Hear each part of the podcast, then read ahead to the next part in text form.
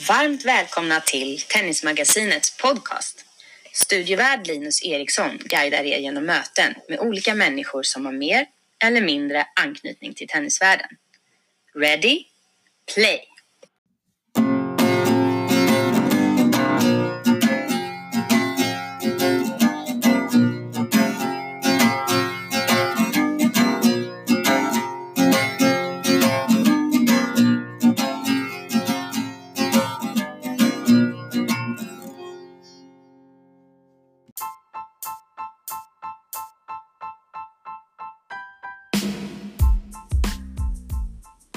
I det här femte avsnittet av Tennismagasinets podcast kommer vi få lyssna på Magnus Gusten Gustafsson, en av svensk tennis allra största spelare. Gusten föddes 1967 i Lund och nådde i juli 1991 milstolpen topp 10 i världen i singel. Bland meriterna syns 14 singeltitlar på ATP-touren, varav hela fyra av dem kom i Swedish Open i Båstad. Han nådde kvartsfinal i Australian Open 94 och var med i det svenska laget som vann Davis Cup 98. Bland flera saker Gusten idag är involverad i syns bland annat tennisprojekten Små Lirare och Klein Players som han kommer berätta mer om i det här avsnittet. Andra intressanta områden vi berör är när Gusten började identifiera sig som tennisspelare, hur stor betydelse tränaren Tim Klein egentligen hade och om det är tränarens roll att inspirera spelaren. Samt så funderar Gusten över varför spelare idag är sämre på att vårda bollen än de var på hans tid. Med det sagt, jag ger er Magnus Gusten Gustafsson.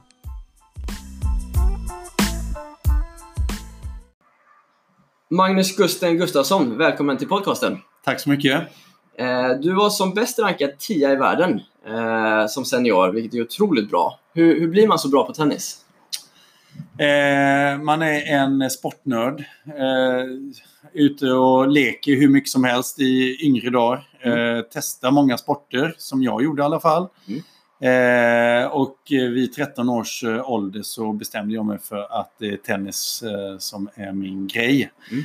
Men sen så har jag fortsatt att idrotta lite andra olika sporter. Liksom. Men då, då var det mest eh, det var lite med, med klubb. Utan det mm. var spontan fotboll och spontanhockey och allting sånt där. Liksom. Men till upp till 13 år så höll jag på med massa olika sporter. Okej, okay. och efter 13 nischade du dig lite mer på tennisen? Då nischade jag mig mer på tennisen. Då blir det för mycket alltså det träning i alla fall fyra, fem eh, dagar i veckan. Mm. Uh, jag hann inte med riktigt. Det är skola och allting man ska tänka på. Liksom. Så att det är svårt liksom, att, att kombinera dem med två mm. olika sporter. Allting krockar och allting sådär. Liksom. Mm. Så då var jag tvungen att välja. Mm. Skulle du säga att det var i den åldern ungefär som det blev mer än bara en fritidssysselsättning tennisen? Eller när blev det liksom seriöst för dig? Jag kände ju liksom att jag var Alltså från att ha gått till tennis till att ha blivit en, en tennisspelare, jag skulle jag säga, eh, lite när man började spela junior-SM och SALK, 11-12 årsåldern. Mm.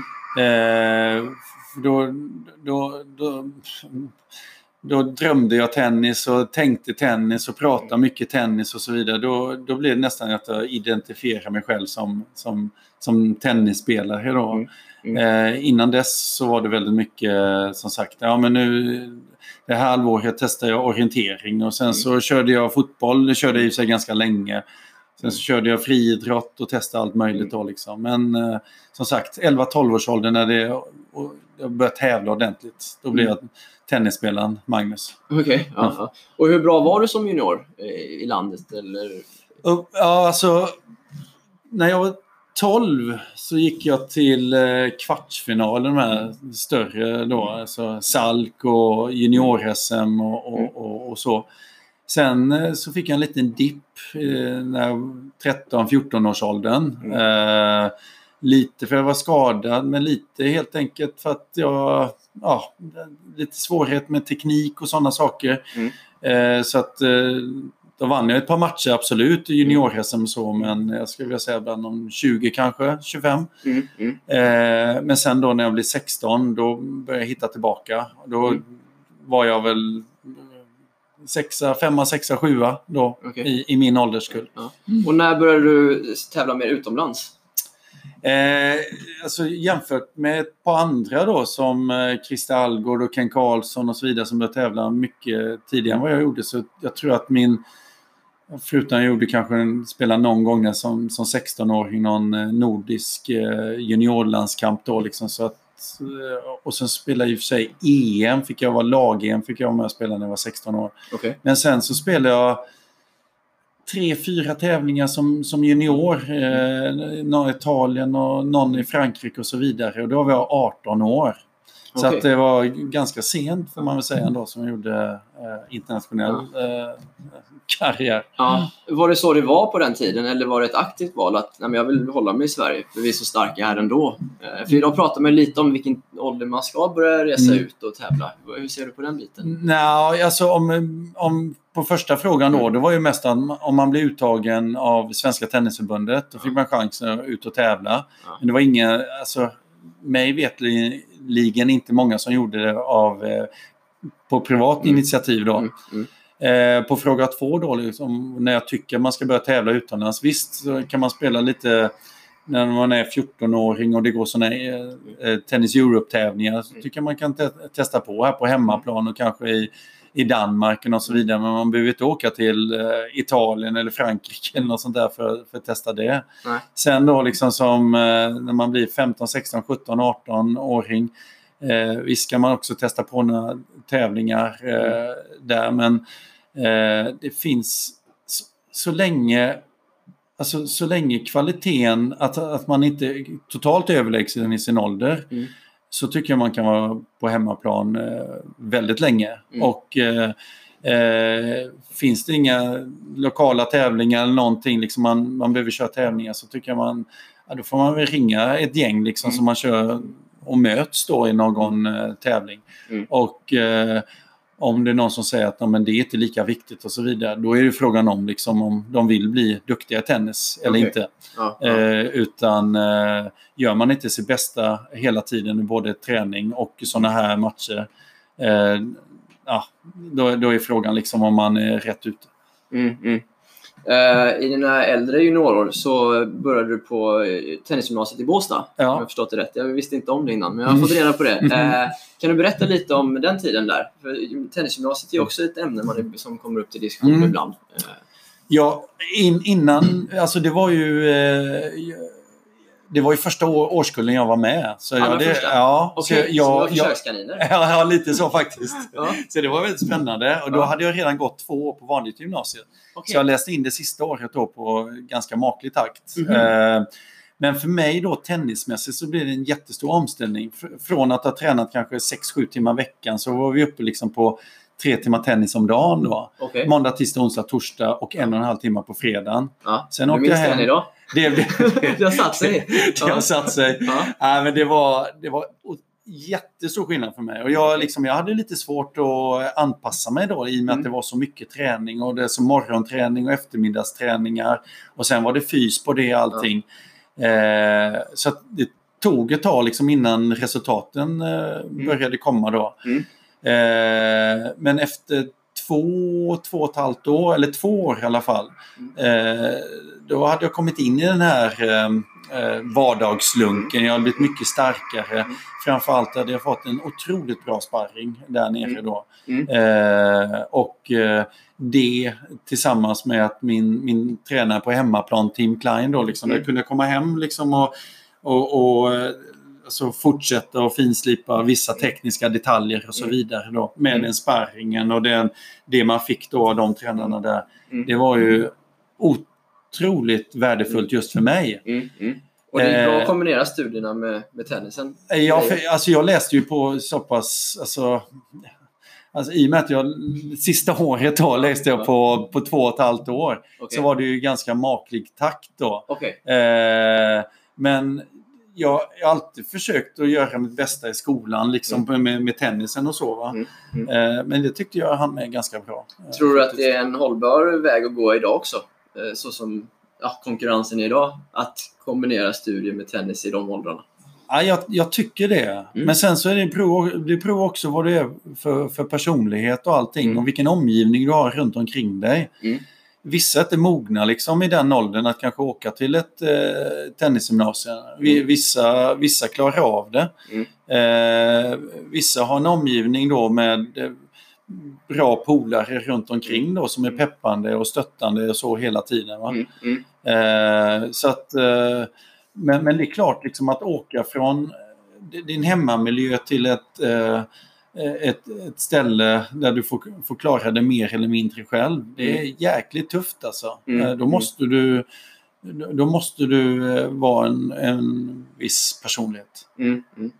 Du nämnde här eh, Tim Klein i förbifarten. Det är en tränare du ofta pratar väldigt Mm. gott om. Mm. Eh, när träffade du honom eller när kom du i kontakt med honom och vad gjorde honom så speciell? Jag träffade honom när jag var 11 år tror jag första gången. Mm. Eh, han var tränare för min eh, moderklubb Torekulla Tennisklubb. Okay. Okej. numera Lindome Tennisklubb. Ah, ja. Eh, sen var han tränare även för lite andra klubbar runt omkring här då. Mölndals Tennisklubb, Åkerheds Tennisklubb och, och så. Okej. Så han samlar ju de här juniorerna i de här eh, olika klubbarna Mm. eh, till ett eh, större gäng. Eh, 15 stycken kanske. Mm. Varav eh, fem av oss eh, sedermera då blev topp Ja. 100 i världen. Så det var en eh, otrolig Ja. resa som han hade. Ja. Ehm, och alltså, han, han har ju betytt nästan allt för min Mm. tennis. Mm. Eh, han var en extra pappa för mig. Mm. Han, redan i tidig ålder så visade han en, en otrolig respekt för mig. Även trots att jag var en liten skiten 12-13-åring då. Mm. Vilket gjorde att jag visar man visar respekt tillbaka Mm. för en sån person. Eh, han, eh, han, såg, han, han såg allting långsiktigt. Det Mm. var aldrig liksom snack om resultat och så vidare. Utan det var bara liksom hur jag förbättrade Mm. min tennis som Mm. var det viktiga för honom. Mm, mm, Eh, det, det, vilket man märkte också senare under karriären då. Man kunde komma till en, en, en tävling och sen så komma hem då för att träna på hemmaplan. Och Mm. Ibland så visste han inte ens om hur det gått nästan då. Va? Nej, nej. Eh, utan bara tittade liksom, ja ah, för fan nu funkar inte serven eller nu funkar inte det. Då, då så ändrade han på detaljer och sådär igen. Va? Mm. Eh, och han var jävligt duktig på det också liksom för att många tränare de vill ju att alla ska spela likadant då. Mm. Men eh, Tim då, han, han såg mina styrkor Mm. och jobbade ut efter det då. Mm. Jag skulle aldrig kunna vara den spelaren som börjar lägga stoppbollar och slice och spela liksom serve och volley så. Jag var alldeles för Mm. fyrkantig. Han tyckte jag såg ut som en förgiftad apa på banan när jag sprang omkring. Till. Så att, men men han, han såg min styrka då, gå runt mycket på forehand och använda den tyngden jag hade och, och så Mm. blev jag som jag blev då. Det, och Christian spelar på Bergström spelar på ett sätt, Jonas Mm. Svensson på ett annat sätt. Liksom. Så att, eh, jävligt duktig på det. Tror, tror du att, eh, du, du nämnde fem spelare som blev topp 100 Mm. av dem. Tror du att ni hade blivit det även utan honom? Eller var det tack vare honom ni blev så bra? Vi skulle säkert bli ganska bra, alla fem av oss. Mm. Inte varit i närheten vara så bra som vi alla. Tror inte det? Nej, det, tror jag, det är jag helt övertygad om. Okej. Jag tror framförallt jag skulle, jag som hade mest svårt att lära med, med teknik och så. Mm. Jag skulle definitivt inte komma på den eh, nivån som jag gjorde. okej. Eh, sen är det ju sj- självklart att en grupp med så tävlingsinriktade juniorer, sen, seniorer, alltså sen när vi den här gruppdynamiken, det är klart att den gjorde att vi blev bättre också. Mm, mm. Vi hatade ju att förlora mot varandra. Mm. Det var ju krig på träningar, det var krig på matcher med våra bästa kompisar utanför då. Det är ju så Ja. det ska vara. Då, va? Ja. Men eh, du måste ha någon liksom som, eh, ja, som kan se det här långsiktigt och, Mm. och, och skruva på de eh, knapparna Mm. som du behöver skruva på då, liksom, när Mm. det behövs. Mm. Tim var ju mästare på det. Försöker du i ditt ledarskap ta efter många av de här bitarna nu som du upplevde hos Tim? Ja, alltså just det här med gruppdynamik, det är jag helt övertygad om att eh, det, det, det, det tror jag är den bästa vägen. Mm. Men här finns ju också olika individer. Vissa, eh, vi- vissa eh, ja, tycker det är trevligare att jaga ensam men eh, jag, att jaga i flock det är ofta mycket roligare tycker de flesta. Mm. Mm. Eh, och det kan vara många träningar som är skittråkigt om man är själv och står där själv med coachen och så vidare. Då. Det har jag själv upplevt. Mm. Mm. Så jag försöker liksom alltid att, eh, de, ja, att det ska vara minst två stycken, helst tre stycken på Mm. träningen. Man hela tiden ska kunna peppa varandra, hela tiden olika utmaningar och så. Mm. Mm. För jag tror mycket just på ordet utmaning. Det är ett, väldigt viktigt ord för mig att tävla i olika former. Mm. För jag vet att personligen så tänder jag till lite extra nu går vi till 10, Mm. nu kör vi GM, Mm. nu gör vi det här och den som gör det mest vinner då. Mm. Man tänder till de här små extra procenten då. Det. Eh, och det Det, det, ja, I och med att Tim, vi körde en grupp eh, med Tim så... så eh, eh, så, så, ja, så, så, och det, jag vet att det funkar, så, så jag tror på det. En annan sak liksom det, det, som jag har jäkligt svårt för, men jag får bita mig i tungan hela Ja. tiden, för det är just det där med resultat. Alltså. Ja. Man är så resultatfixerad, man försöker glömma det. Man försöker se det långsiktigt. Mm. Är det, är, alltså okej, nu fick eh, den spelaren stryk här som är med i Klein Players och så. Och nu har han fått stryk igen liksom. Ja, men man får vända på det. Man ser att han blir mycket starkare fysiskt och så vidare. Han är på rätt väg. Mm. Och om ett år så tror jag resultaten kommer komma då. Mm. Men däremot om man även lägger, alltså om man inte har någon, alltså att resultaten går dåligt och därför lägger man ner fysiken och en det ena än det andra. Mm. Då får man ju verkligen markera liksom att nu är du på, på fel spår. Hur, hur bra var du på det i juniorrollerna? Att fokusera på processen istället för resultaten? Bedrövlig. Så därför var ju Tim extra viktig för mig. Ja, så han Skulle hjälpte han- dig med att liksom komma tillbaka till rätt ja, spår? ja, ja, det var det. Det var det. Ja. Jag tänkte bara på resultat. Eh, Det var, det var här och nu och så grävde man ner sig, man fick stryk och så vidare. Då. Och hur, agerar, eller hur, hur kände du när han började prata om att eh, ja, men din forehand var bra idag, Magnus? Ja. Nej, men det, alltså, visst, det, det var inte bara så liksom att det var positivt utan det var en del negativt eh, då. Liksom. Men han, han, man, man visste det liksom att om han sa liksom att ja, men det här funkar inte bra, då, då visste man hur nästa träning kommer se ut Mm, i alla mm. fall. Ja. Det är det här vi kommer jobba på. Och det här vi kommer jobba på närmsta veckorna och så. Ja. Och det var en trygghet i, i sig att veta det liksom. För han hade ett otroligt självförtroende också. Mm, mm. Alltså som senior så spelar du så och så och så, då slår du världsettan. Det är inga problem. Det, är- det är bara du, bara du spelar så. Sen Ja. var det ju jäkligt svårt för det gick alldeles för fort. Ja, man mötte världsettan och så vidare. Då. Ja, Eh, men det fanns ju alltid olika taktiker för att kunna slå respektive spelare. Då?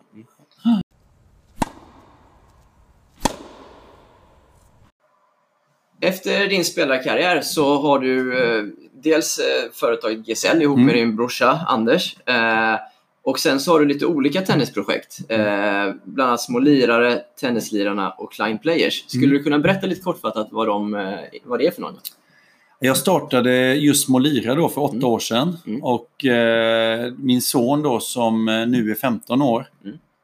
Eh, kände jag det att han, han, han spelade tennis en gång i veckan. Mm. Och eh, han höll på med fotboll och han spelade pingis. Och tennis tyckte han var sådär. Eh, då.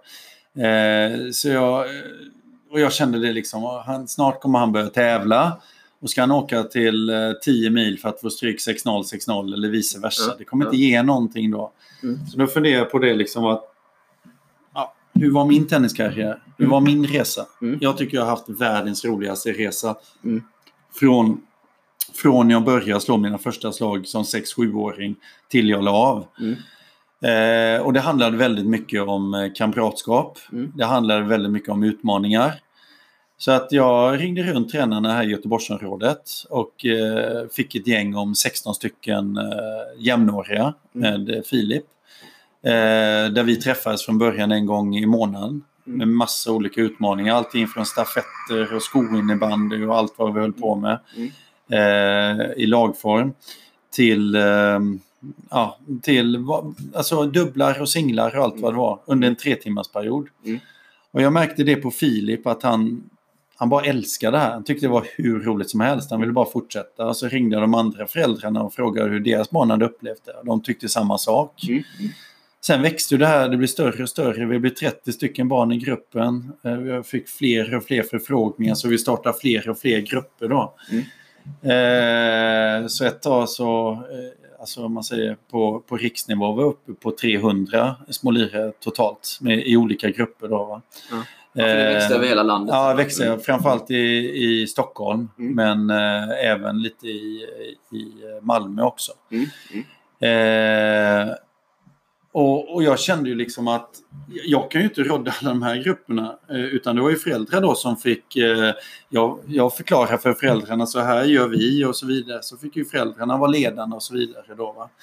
Men jag kände att det här var ett, ett jäkligt bra komplement till, till klubbarna. För jag, jag upplever det där att visst, tennis kan vara jäkligt ensamt. Mm. Men det ska inte vara ensamt. Mm. Det, ska, det ska kännas att du är med i ett lag. Mm. Att vi gör det här tillsammans. Mm. Eh, och att föräldrarna också kan vara involverade. Mm. Om man gör det på rätt sätt. Mm. Jag som ledare för den här gruppen, jag höll lite på att lära ut hur man ska slå en forehand och en backhand. Utan det är tränarna i klubben som ska göra. Men däremot kan jag vara en väldigt bra lekledare med många olika övningar vi kan göra och få gruppen att känna att, att, eh, att, eh, att känna trygghet mm. både på och utanför banan. Mm. Mm. Och känna liksom att man just det här att från att man går på tennis till att mm. man blir tennisspelare. Mm. Det är vår uppgift. Tillika med klubben givetvis då. Alltså. Eh, och det, det, det, var det som hände då. Eh, Kände du att det gick att kombinera de här samlingarna med att få till en kvalitativ träning där de verkligen blev bättre på många bitar? Absolut. Mm. Just den här utmaningen man märkte man. Mm. För när man frågade då de här eh, barnen då vad de tyckte det var, vad de tyckte är roligast. Kamratskap, mm. utmaningen. Mm den utmaningen i rätta former. Det kan vara jättejobbigt att åka och spela en tävling och sådär mm. Eh, i den åldern. Man är åtta år och ska spela en tresetsmatch till exempel. Det, det tar på psyket. Mm. Men här kör vi först till tio och här kör vi dubblar och tillsammans och i lagform och så vidare. Då blir det liksom mer, en mer avslappnad tävlingsmiljö. Mm.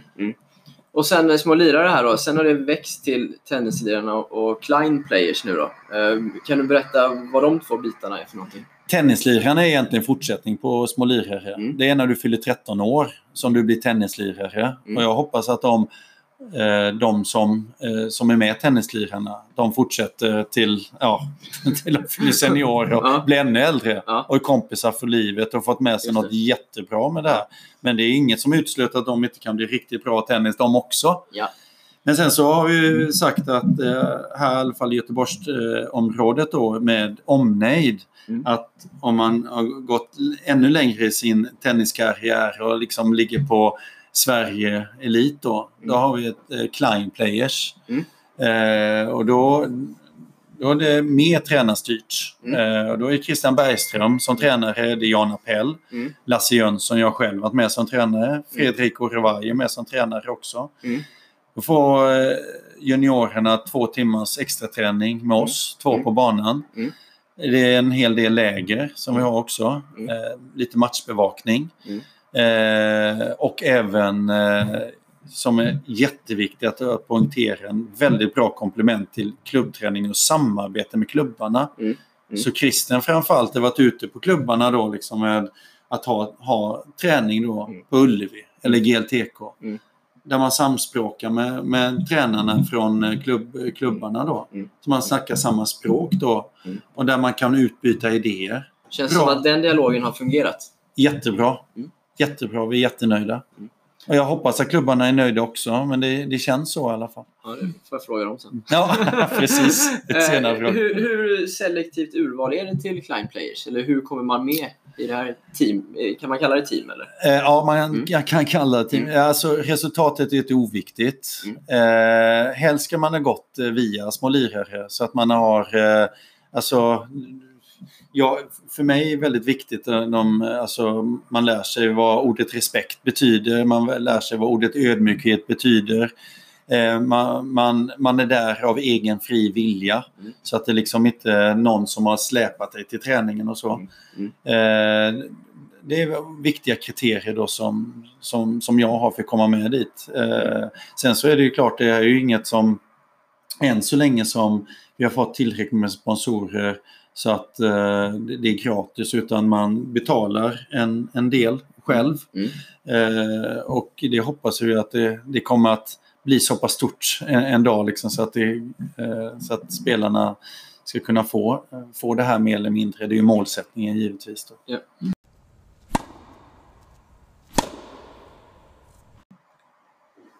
Skulle du kunna reflektera lite över för och nackdelar med just teamsatsningar och att vara i ett team? För det finns ju många fördelar. Du är en ganska stor förespråkare för det, har jag Mm. förstått. Kan du se några nackdelar också med det? Eh, ja, på rak arm, nej. För jag har haft så en jäkla rolig resa själv. Men Mm. eh, det, det är klart liksom att eh, det kan ju finnas nackdelar om man är alltså, otroliga motpoler. Eh, och föräldrarna inte drar eh, jämnt heller. Eh, men här tror jag att om man växer upp i en miljö att kunna eh, som, redan som 7, 8, 9-åring att där man förstår eh, vad som innebär att jobba i, i team eller Mm. tillsammans. Mm. Att hjälpa varandra. Mm. Hur gör du? Hur gör jag min bästa kompis till en bättre tennisspelare? Mm. Och att man säger likadant till föräldrarna då. Liksom, hur gör du din son eller dotters bästa kompis till en bättre tennisspelare? Mm. Om man får in det i tidig ålder, Mm. då tror jag att det, alltså, att det är inga problem att, att jobba i team. Mm. Däremot liksom om man är, om man är ensam i klubben och alltså kungen eller drottningen i klubben och, och fått allting man pekar på. Ja, det är klart liksom att om fyra sådana slås ihop i ett team att det kan bli, bli lite svårt Mm. eh, då. Mm. Eh, då, då är det en ganska tuff uppgift för en, en, en tränare då som, som får eh, fyra stycken eh, 16-åringar då liksom, eh, där, Mm. där alla är vana att få precis vad de pekar på. Då? Ja. Eh, jag tycker att, eh, och det, det är ju det som funkade så jäkla bra liksom, när jag växte upp och även liksom på Villanders och Nyström och, och deras tid. De jobbade i team. Mm. Och eh, Villander vann eh, franska, Mm. men han fick fortfarande gå och hämta vattenflaskan till Jocke Nyström för han var yngst. Liksom. Det skulle ju inte funka idag liksom, som, som världsetta eller när man vinner en Grand Slam-turnering. Mm. Men det är jäkligt bra alltså. Man ska, ja, man ska respektera varandra helt enkelt. Ja.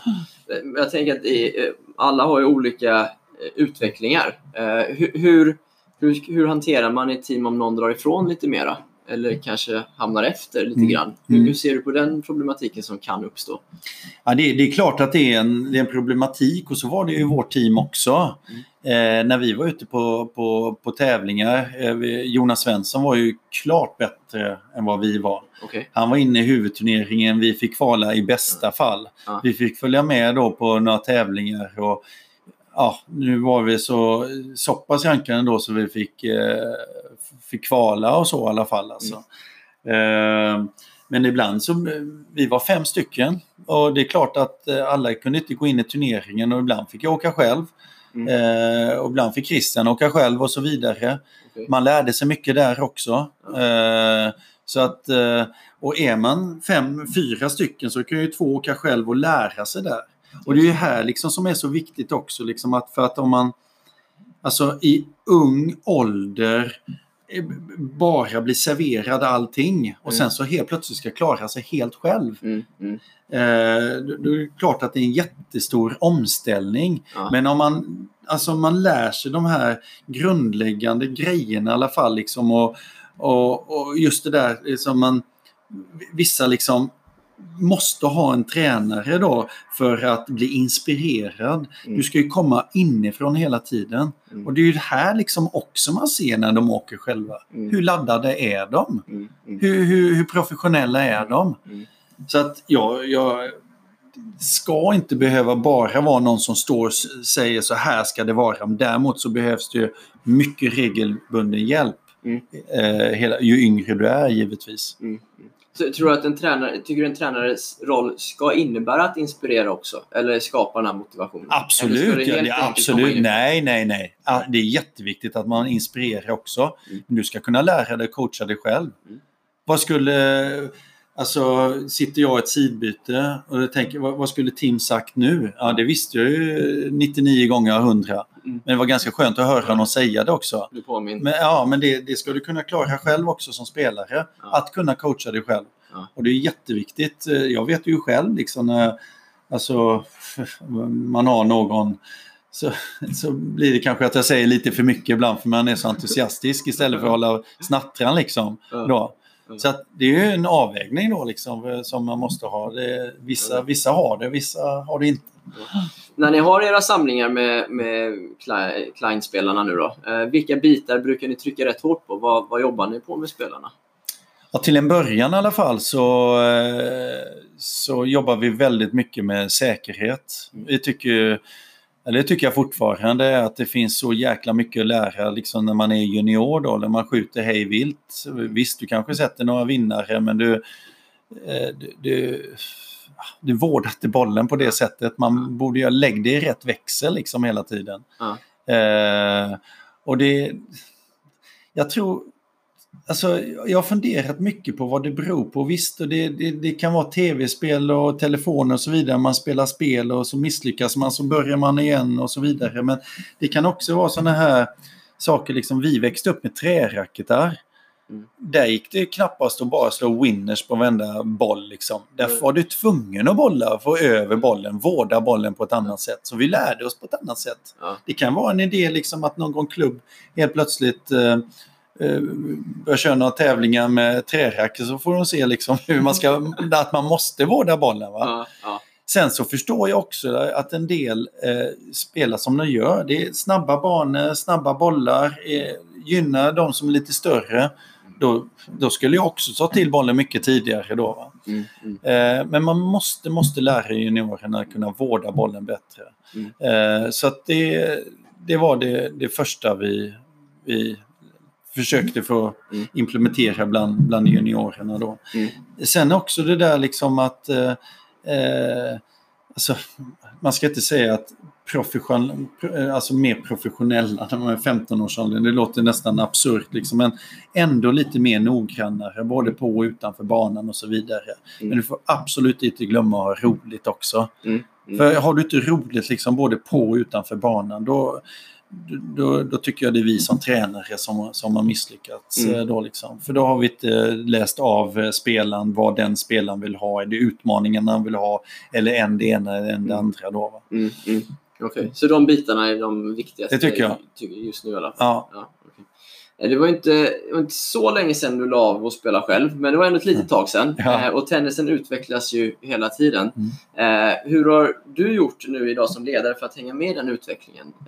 För det är lätt kanske att man tänker att så som tennisen såg ut när du själv Mm. spelade, Mm. så lär vi ut nu. Mm. Känner du själv att det, det syns i ditt ledarskap och vad du står för?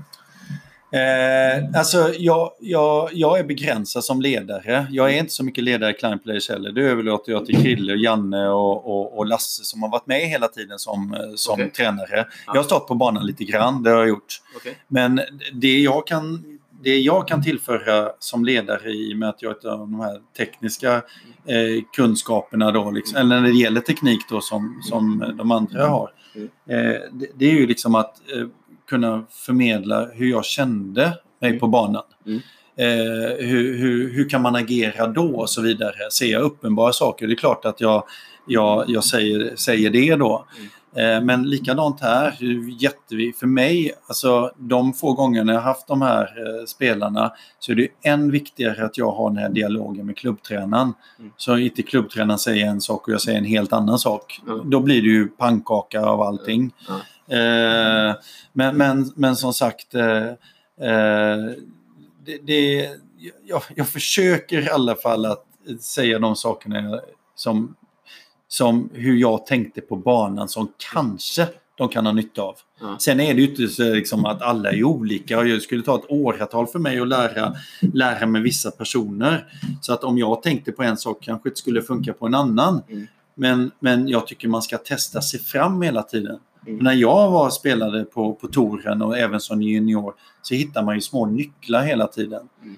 Och tänker jag så här så, så, så funkar det. Eller bara sådana enkla saker. Nu ska jag få över bollen tio gånger över nät den här bollduellen. Mm. Ja, men då hade jag ett, en målsättning som passade mig väldigt bra. Mm. Säger jag det till någon så kanske inte passar alls den personen. Nej. Men då har du i alla fall testat det. Ja. Och till slut så hittar du några nycklar som du kan använda Ja. under din karriär. Då. Ja, Så ja. det är liksom inte... Jag hade kanske en 10-15 nycklar då som jag jobbade med väldigt mycket. Mm. Men, men ja, det kanske finns 50 olika, men för mig passar just de här 10-15 stycken då. Ja, ja. Som du hade testat dig fram Som jag testar mig fram, ja. Mm. Och det är likadant hur man slår en forehand och man slår en backhand. Liksom att jag, jag låtsas att slappna av, att du är jättelealös och så vidare. Det kanske passar mig jättebra. Mm. Men det passar till någon annan person. Det kanske ser helt absurt ut då. Liksom. Mm. Så att även där får man ju, man får ju, man får ju prova sig fram lite Mm. grann. Och det gjorde ju Tim. Okej. Han var, det var ju massa olika saker vi testade och testade då liksom. Som Ja. till slut funkade för mig eller för Christian och så vidare. Då. Ja, just det, just det. Men många av de här nycklarna du pratar om, kom du fram till dem själv när du var iväg? Eller Oftast var det gjorde jag oftast det. någon annan som tipsade? Oftast det. Har man hållit på i tennis i 150 år så, så kommer det alltid fram någon nyckel någon gång. Ja, jag vet, jag vet. Okej.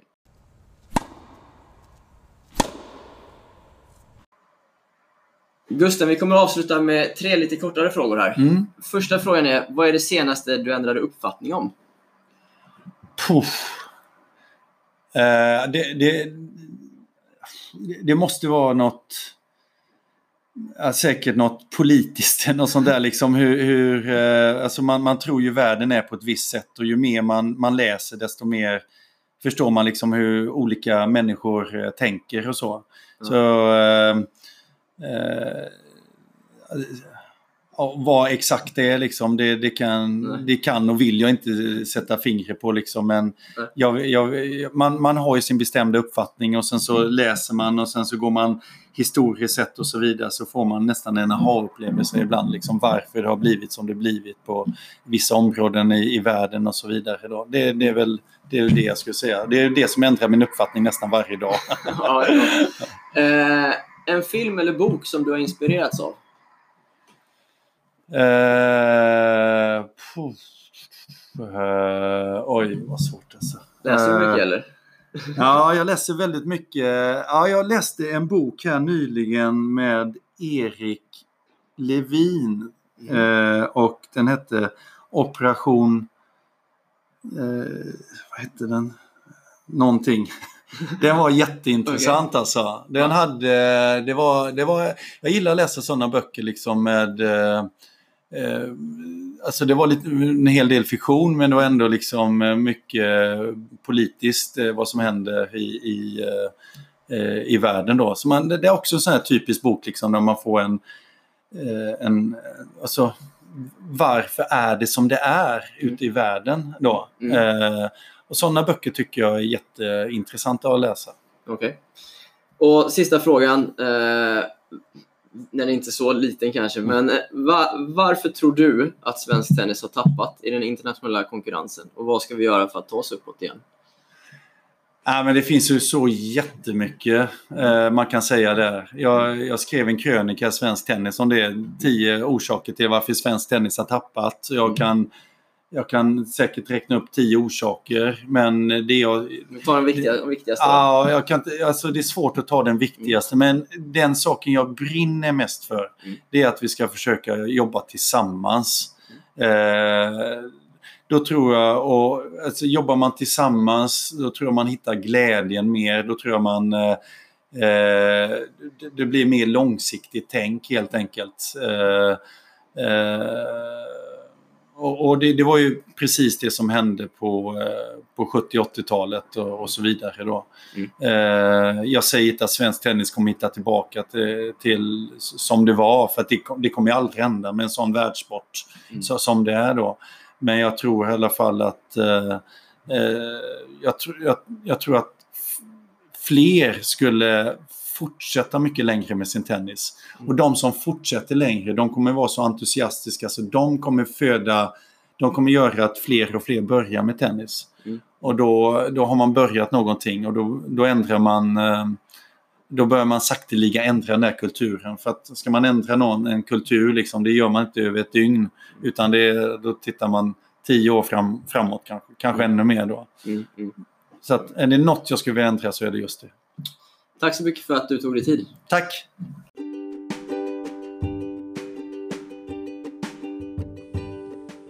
För mig var det här ett väldigt intressant avsnitt att spela in. När jag hör en person prata om ett ämne som personen brinner för och tror stenhårt på är det otroligt inspirerande att lyssna på det. Jag tycker man hör hur starkt Gusten tror på det här med team och gruppsamarbeten. Även om jag själv inte är lika övertygad som honom om alla dess fördelar, så blir man glad och peppad när personen man pratar med brinner så mycket för det som Gusten gör. En del jag själv fastnade för var när Gusten stannade upp sitt eget resonemang och sa att det nästan är absurt när man pratar om att 15-åringar behöver bli mer professionella och noggranna på och utanför banan. Är det verkligen absurt att 15-åriga tävlingsspelare som ska vara involverade i en form av satsning ska vara noggranna med sin tennis? Hur tror vi att spelare och tränare från öststatsländer eller Asien resonerar i samma fråga? Jag tror inte vi behöver skämmas om vi kräver att satsande spelare ska vara professionella när de kommer upp i den åldern. Kanske är det dags att vi successivt höjer ribban på vad vi kallar att satsa på sin tennis i det här landet. Gusten själv sa trots allt i början av avsnittet att han vid 11-12 års ålder började identifiera sig som tennisspelare och vid 13 års ålder nischade sig på tennisen. Det utesluter ju inte nödvändigtvis att man kan hålla på med andra idrotter också om man nu tror på det. Man kan väl ha vattenflaskan fylld och varmt upp inför sin träning ändå. Med det sagt så lägger vi det här femte avsnittet av Tennismagasinets podcast till handlingarna. Jag skulle vid det här laget vilja tacka er för att ni lyssnar och om ni har gillat vad ni hört de här första veckorna så skulle jag vara evigt tacksam om ni vill sprida ordet vidare om den här podden. Både genom att nämna det för vänner och kollegor eller kanske genom att dela det på era sociala medier. Det skulle göra mig oerhört glad. Tillsammans är vi starka. Tack för idag! Svenska Tennismagasinet är landets ledande magasin om tennis och belyser såväl internationell som svensk tennis på alla nivåer. Magasinet kommer ut med sex nummer per år och vill ni veta mer så surfa in på tennismagasinet.se. För att komma i kontakt med mig går det bra att mejla på linus.eriksson tennismagasinet.se. Vi hörs i nästa avsnitt!